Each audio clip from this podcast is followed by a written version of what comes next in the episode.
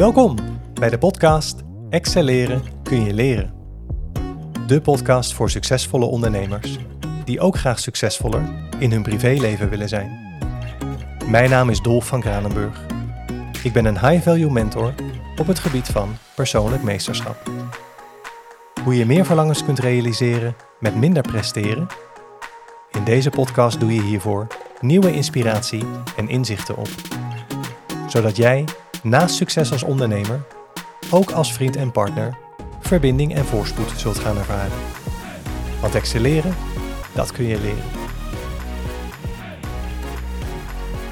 Een hele goede dag, dames en heren. Welkom terug bij de masterclass Excelleren kun je leren. Waarin we het hebben over de verdere ontwikkeling van jouw persoonlijk meesterschap en daarin kunnen excelleren. Terwijl je toewerkt naar zelfrealisatie en gaandeweg jouw levensbehoeften vervult binnen de verschillende tredes van de piramide van Maslow. En wat de essentiële elementen zijn die een rol spelen bij kunnen excelleren. Tot zover hebben we al twee van de zeven essentiële elementen behandeld. In de eerste aflevering hoorde je de eerste essential, die gaat over weten wat je wilt. Wat wil zeggen dat je die dingen die je absoluut meegemaakt of bereikt wilt hebben in je leven, jouw verlangens, dat je die formuleert in de vorm van concrete, meetbare en bovenal voor jou haalbare doelstellingen. In de vorige aflevering hoorde je de tweede essential, die gaat over de meest authentieke versie van jezelf kennen. Wat wil zeggen dat je weet uit welk authentiek gedrag en vaardigheden jouw gouden potentieel bestaat. En dat je weet welke aangeleerde vaardigheden en overlevingsgedrag de manifestatie daarvan in de weg staan, wanneer jij in je dagelijks leven onder druk komt te staan. In deze aflevering gaan we verder met deel 3 van de reeks van 8. Superleuk dat je weer luistert. Ik heb een flinke kluif voor je voorbereid. En als het te veel ineens is om te bevatten, beluister deze aflevering nog gewoon in stukjes en zo vaak als je wilt. Want mijn ervaring is dat hoe vaker je deze materie hoort, hoe beter je zult gaan herkennen en zult gaan begrijpen op een steeds dieper niveau.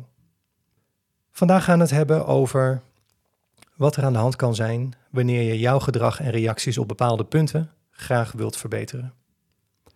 Wanneer je opmerkt dat dit steeds maar niet lukt als puntje bij paaltje komt, terwijl je wel heel goed weet voor welk ander gedrag en reacties je zou willen kiezen.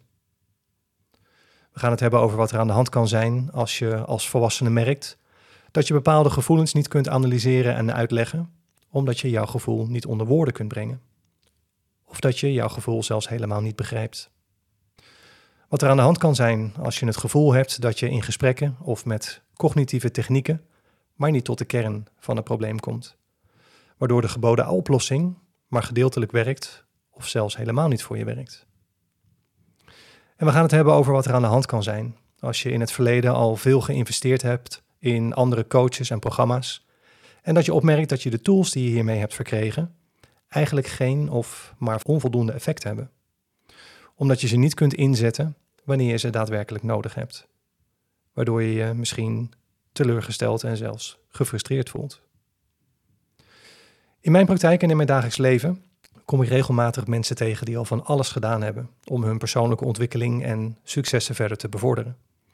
Ze zijn vol enthousiasme begonnen met programma's zoals bijvoorbeeld 365 dagen succesvol, Maximum Business Potential en The Roadmap to Success van Michael Pilarczyk.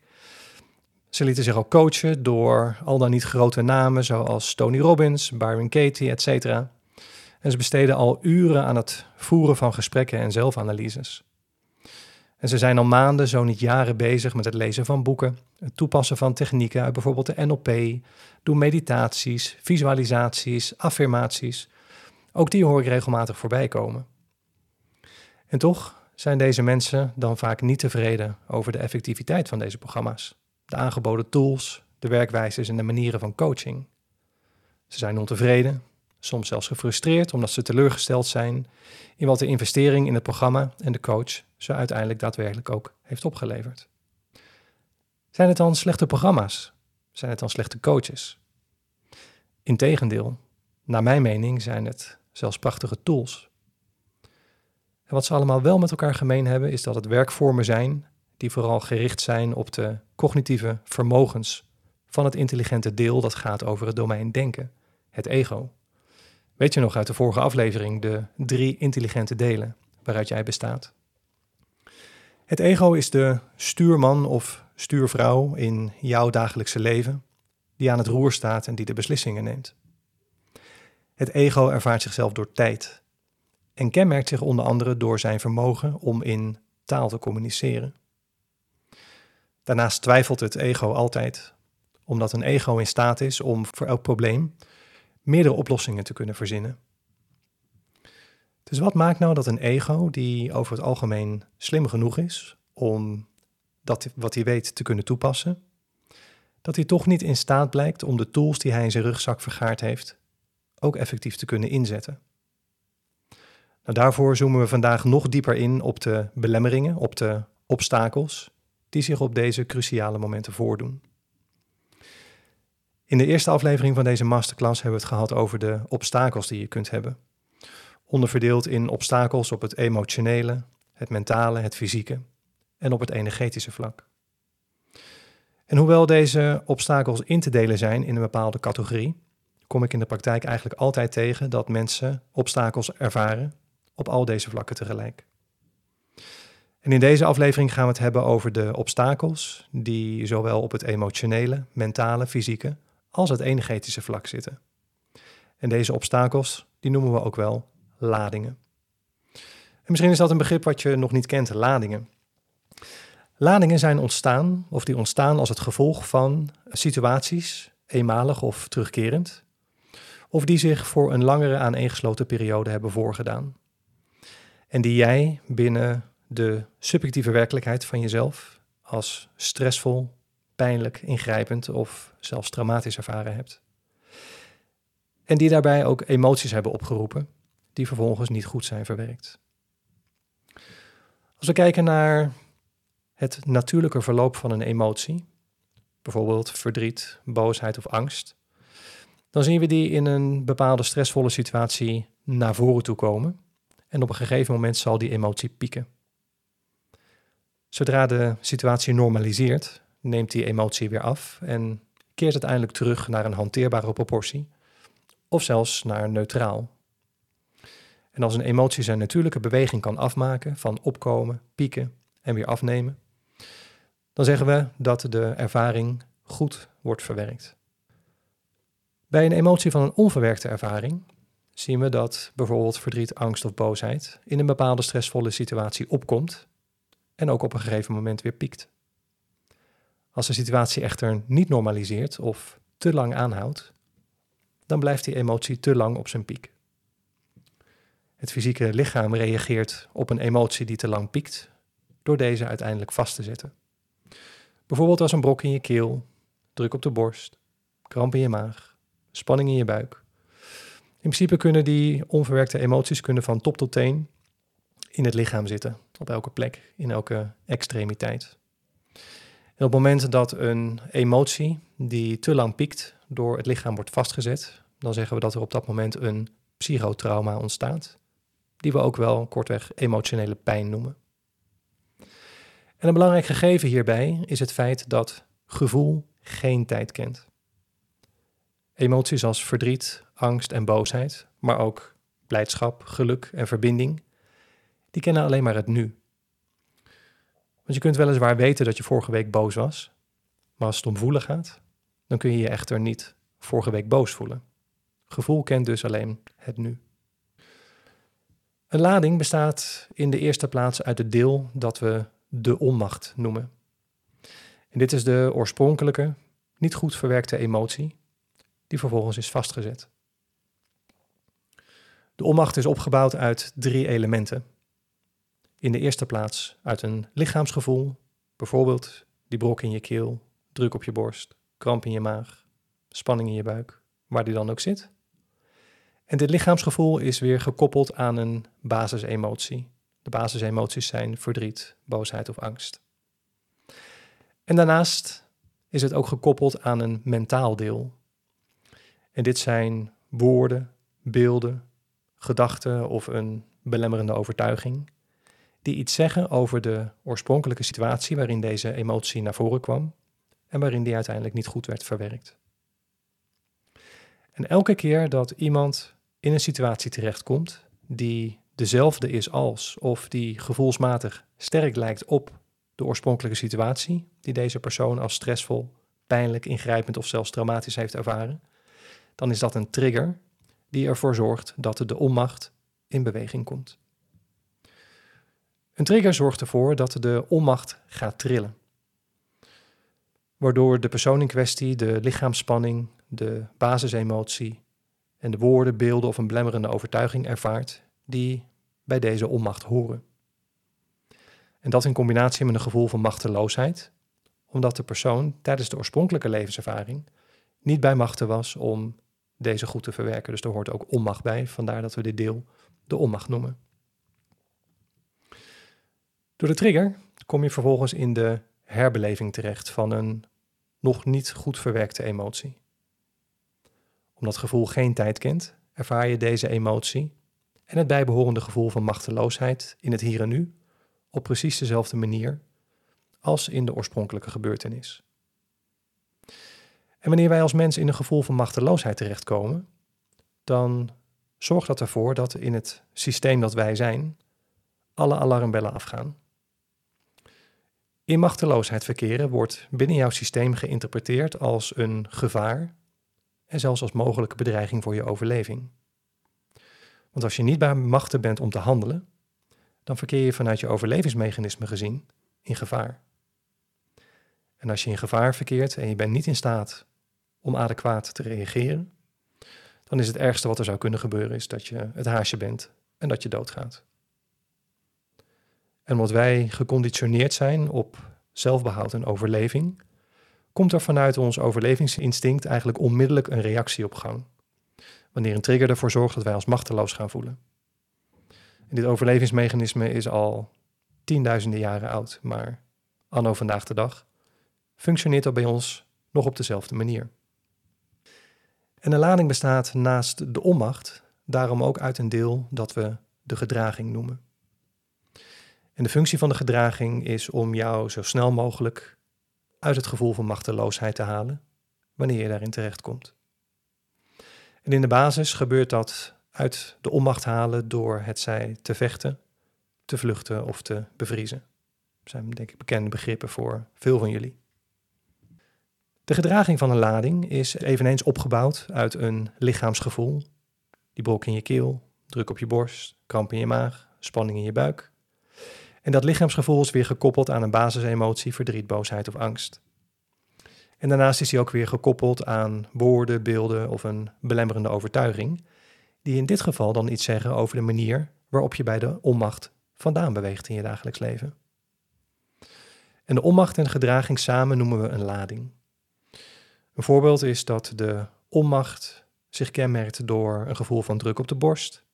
Wanneer je daarop focust, voel je dat het angst is. En wanneer je verbonden bent met deze angst, komen de woorden bij je op: Ik voel me hier niet veilig.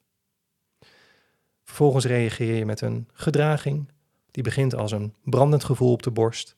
Wanneer je daarmee verbonden bent, voel je dat het boosheid is. En de woorden die vervolgens vanuit de boosheid opkomen zijn: donderop. En elke keer als deze onmacht getriggerd wordt, dan betekent het dat je dus vanuit de vechtmodus reageert met boosheid.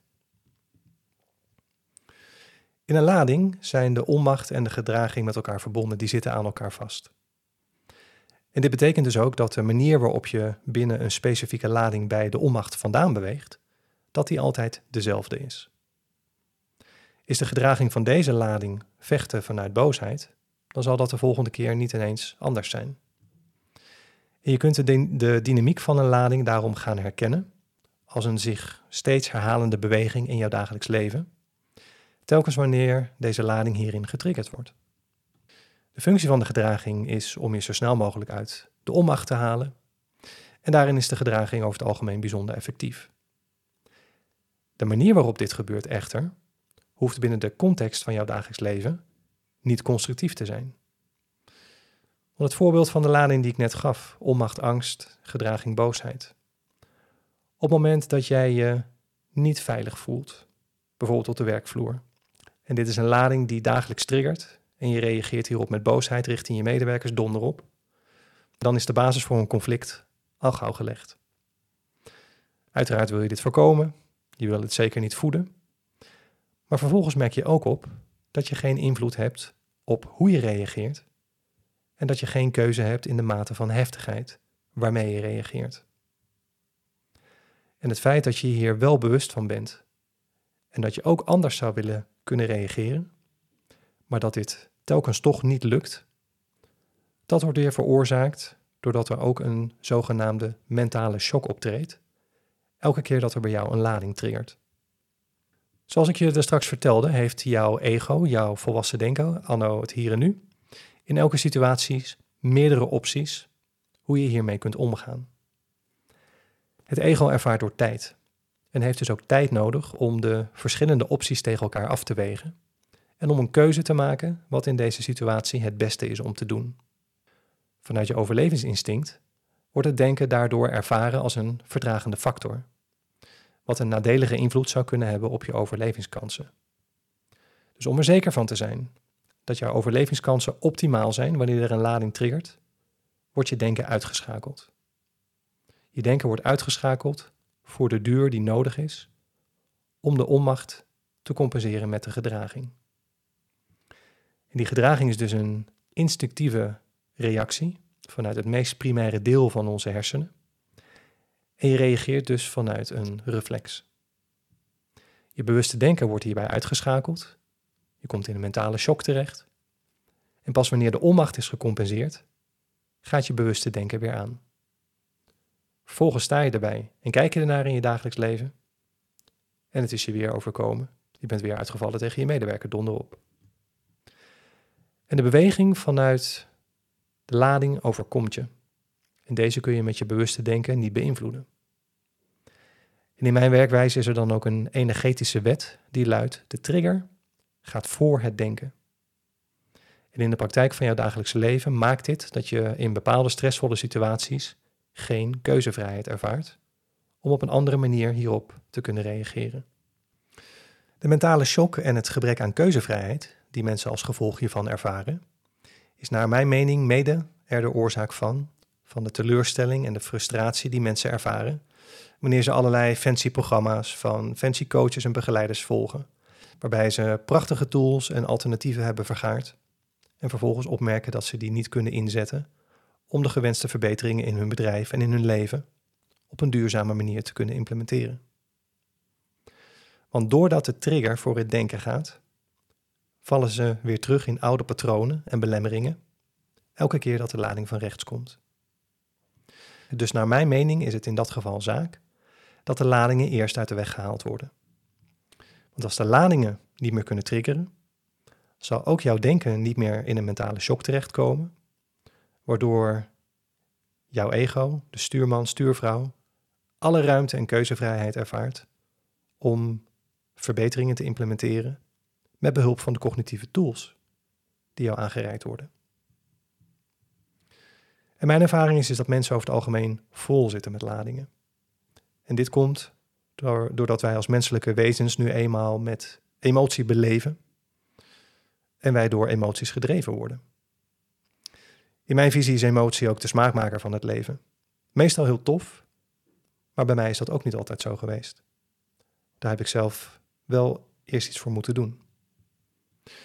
Want in mijn leven tot nu toe, en waarschijnlijk ook in dat van jou, zijn er talloze situaties geweest waarin wij de bijbehorende emoties niet goed hebben verwerkt.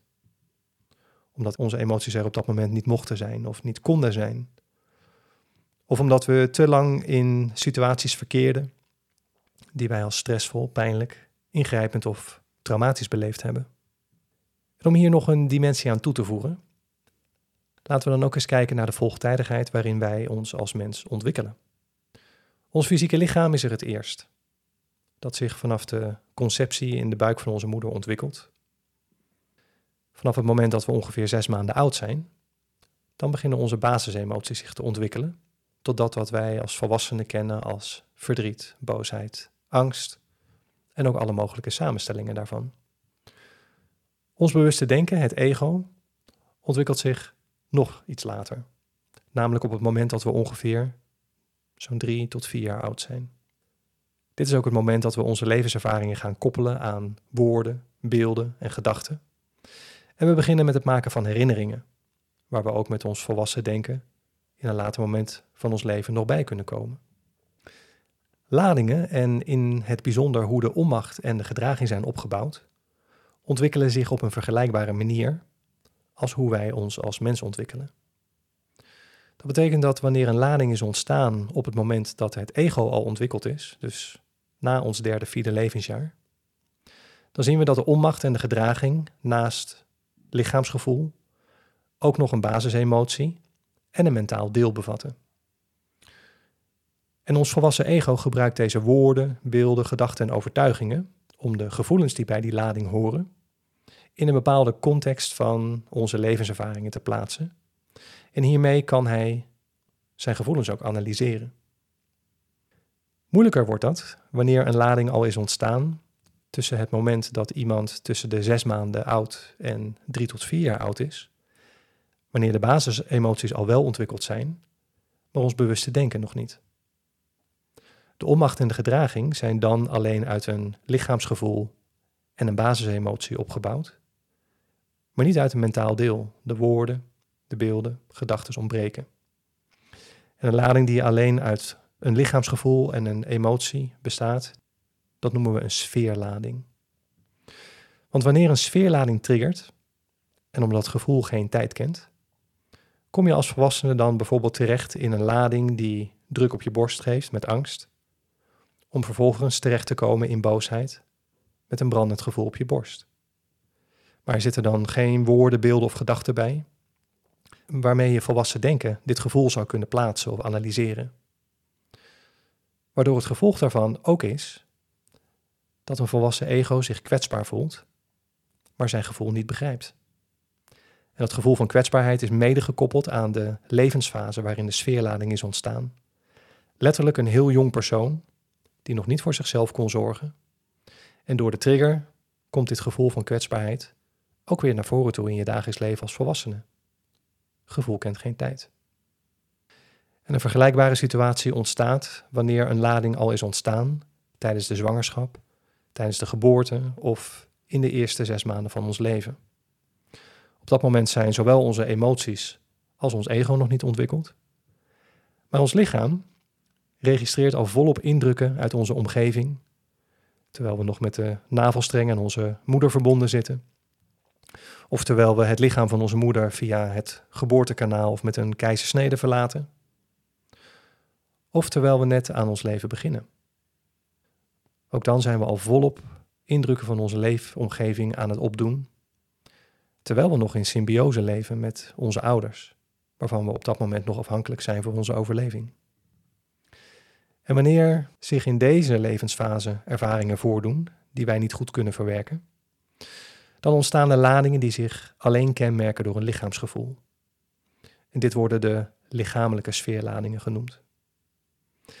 Wanneer deze ladingen in ons volwassen leven triggeren, dan komen we terecht in bijvoorbeeld gevoelens van lichamelijke spanningen, onrust, gejaagdheid, krampen, pijntjes, die echter niet gekoppeld zijn aan een emotie die ons ego herkent en die ook niet gekoppeld zijn aan woorden, beelden of gedachten. En dit maakt dat het ego dan nog minder in staat is om hier zijn vinger achter te krijgen. Lichamelijke sfeerladingen zijn eveneens gekoppeld aan gevoelens van kwetsbaarheid. Die passen bij de beleving van een foetus of een pasgeboren kind. Deze ladingen noemen we ook wel vroegkinderlijke traumatiek, de sfeerladingen. Omdat het volwassen ego wil voorkomen dat hij zich onmachtig en kwetsbaar gaat voelen, en daarbij ook nog eens in een mentale shock terechtkomt, zien we dat mensen die veel sfeerladingen hebben, daarnaast ook een sterk controlerend denken ontwikkeld hebben. Een ego dat wil voorkomen dat hij of zij in situaties terechtkomt in je dagelijks leven, waarin deze ladingen kunnen triggeren en waarin je je kwetsbaar en onmachtig gaat voelen. Als we dan kijken naar de volgtijdigheid van onze ontwikkeling, dan waren de sfeerladingen er het eerst. De ladingen uit onverwerkte gebeurtenissen, waar het bewuste denken wel een herinnering aan heeft, die zijn hier pas later bovenop gestapeld. En dat betekent dus ook dat er zich in de eerste drie, vier jaar van je leven een hele laag ladingen uit onverwerkte gebeurtenissen kan zijn opgebouwd. Waaraan het volwassen denken ook nog eens geen bewuste herinneringen heeft. Maar waar die wel mee te maken krijgt in zijn dagelijks leven, wanneer deze ladingen triggeren. En het feit dat sommige mensen het gevoel hebben dat ze niet tot de kern kunnen komen in gesprekken of met technieken die op de cognitieve vermogens van je volwassen denken zijn gericht, heeft naar mijn mening alles te maken met de obstakels die zich dan bevinden in de laag waar je bewuste denken zelf niet bij kan komen. Want als een probleem een oorzaak heeft die je met je denken had kunnen oplossen, dan had je dat waarschijnlijk al lang gedaan. Hoe je wel bij deze sfeerladingen kunt komen en hoe die kunnen worden opgelost, daar kom ik in deel 8 van deze masterclass nog op terug en dan zal ik hier verder op ingaan. Voor nu kan het alvast inzichtgevend voor je zijn. Om te weten dat we in ons dagelijks leven doorlopend triggeren in onze ladingen.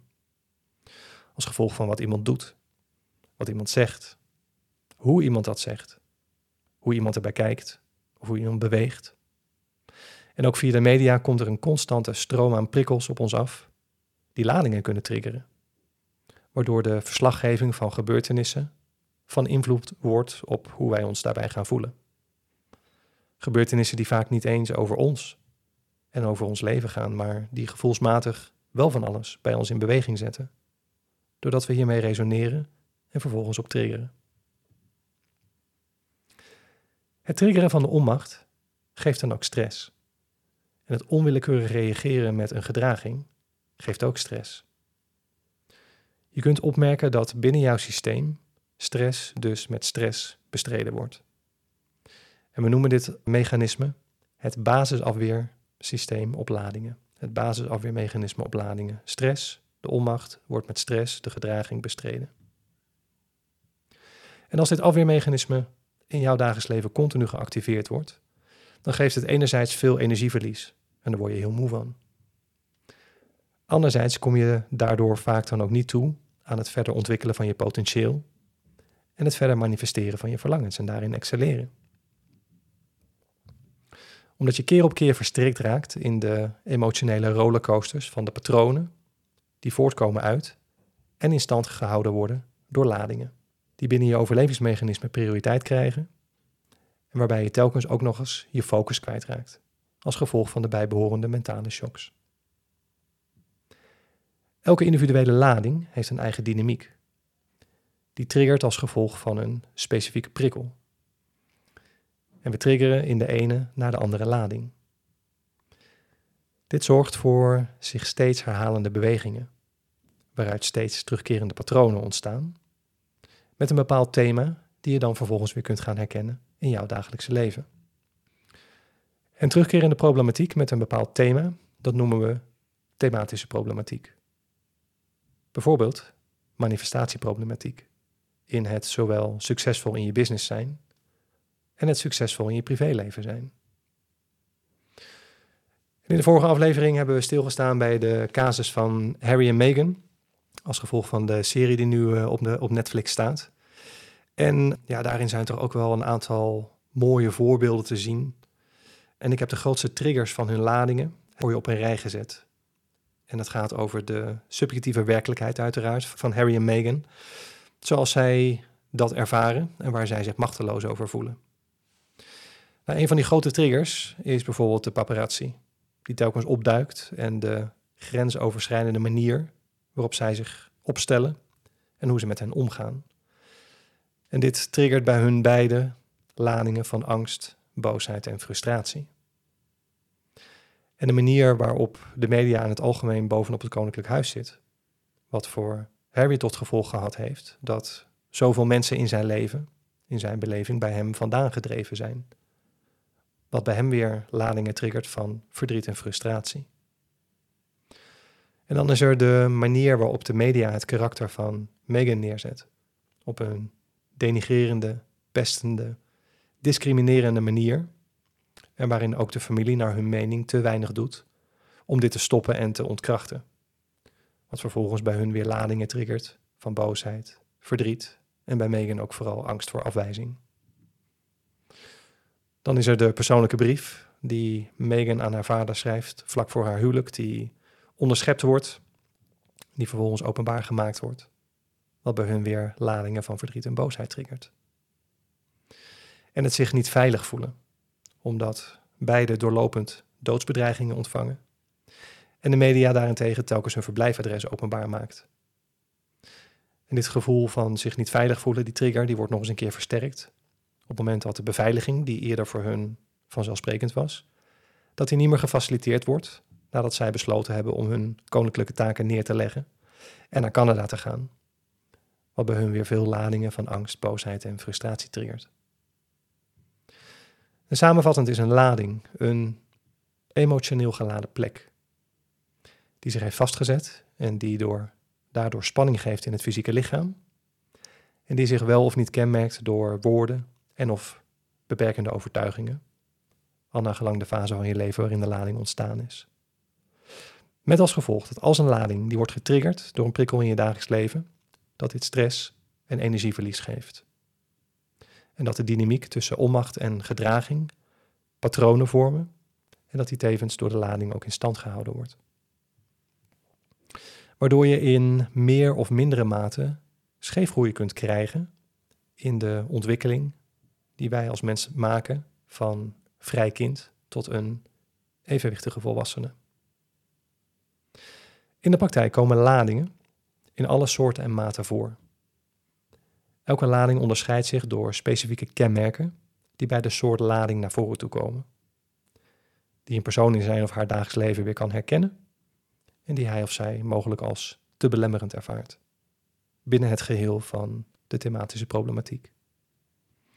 En de derde essential is dus het in staat zijn om in elke situatie meester over jezelf te zijn. Wat wil zeggen dat je meer loskomt van jouw overlevingsinstinct. Dat je in staat bent om je verdriet, angst en boosheid te temperen. Dat je in elke situatie keuzevrijheid hebt met betrekking tot hoe jij wil reageren. En dat je hiermee ruimte voor jezelf creëert om van aangeleerd gedrag naar authentiek gedrag te kunnen gaan.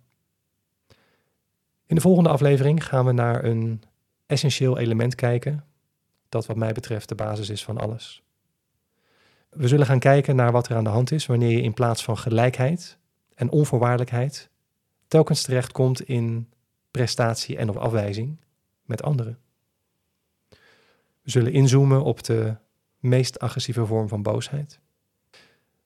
En we zullen onderzoeken wat maakt dat onze stuurman of stuurvrouw, het ego, ernaar neigt om nog een schep bovenop de zelfsabotage te doen, in plaats van een helpende hand toe te steken bij het bereiken van je doelen. Graag begroet ik je dan weer in de volgende aflevering. Fijn dat je er vandaag alvast bij was en tot de volgende keer. Bye bye. Dit was hem weer. Voor nu. Dankjewel voor je tijd en aandacht bij het luisteren. Als deze podcast waardevol voor je was, laat dan even een review achter. Je zou me een groot plezier doen door deze aflevering te delen met de mensen in jouw netwerk voor wie jij denkt dat dit ook meerwaarde heeft.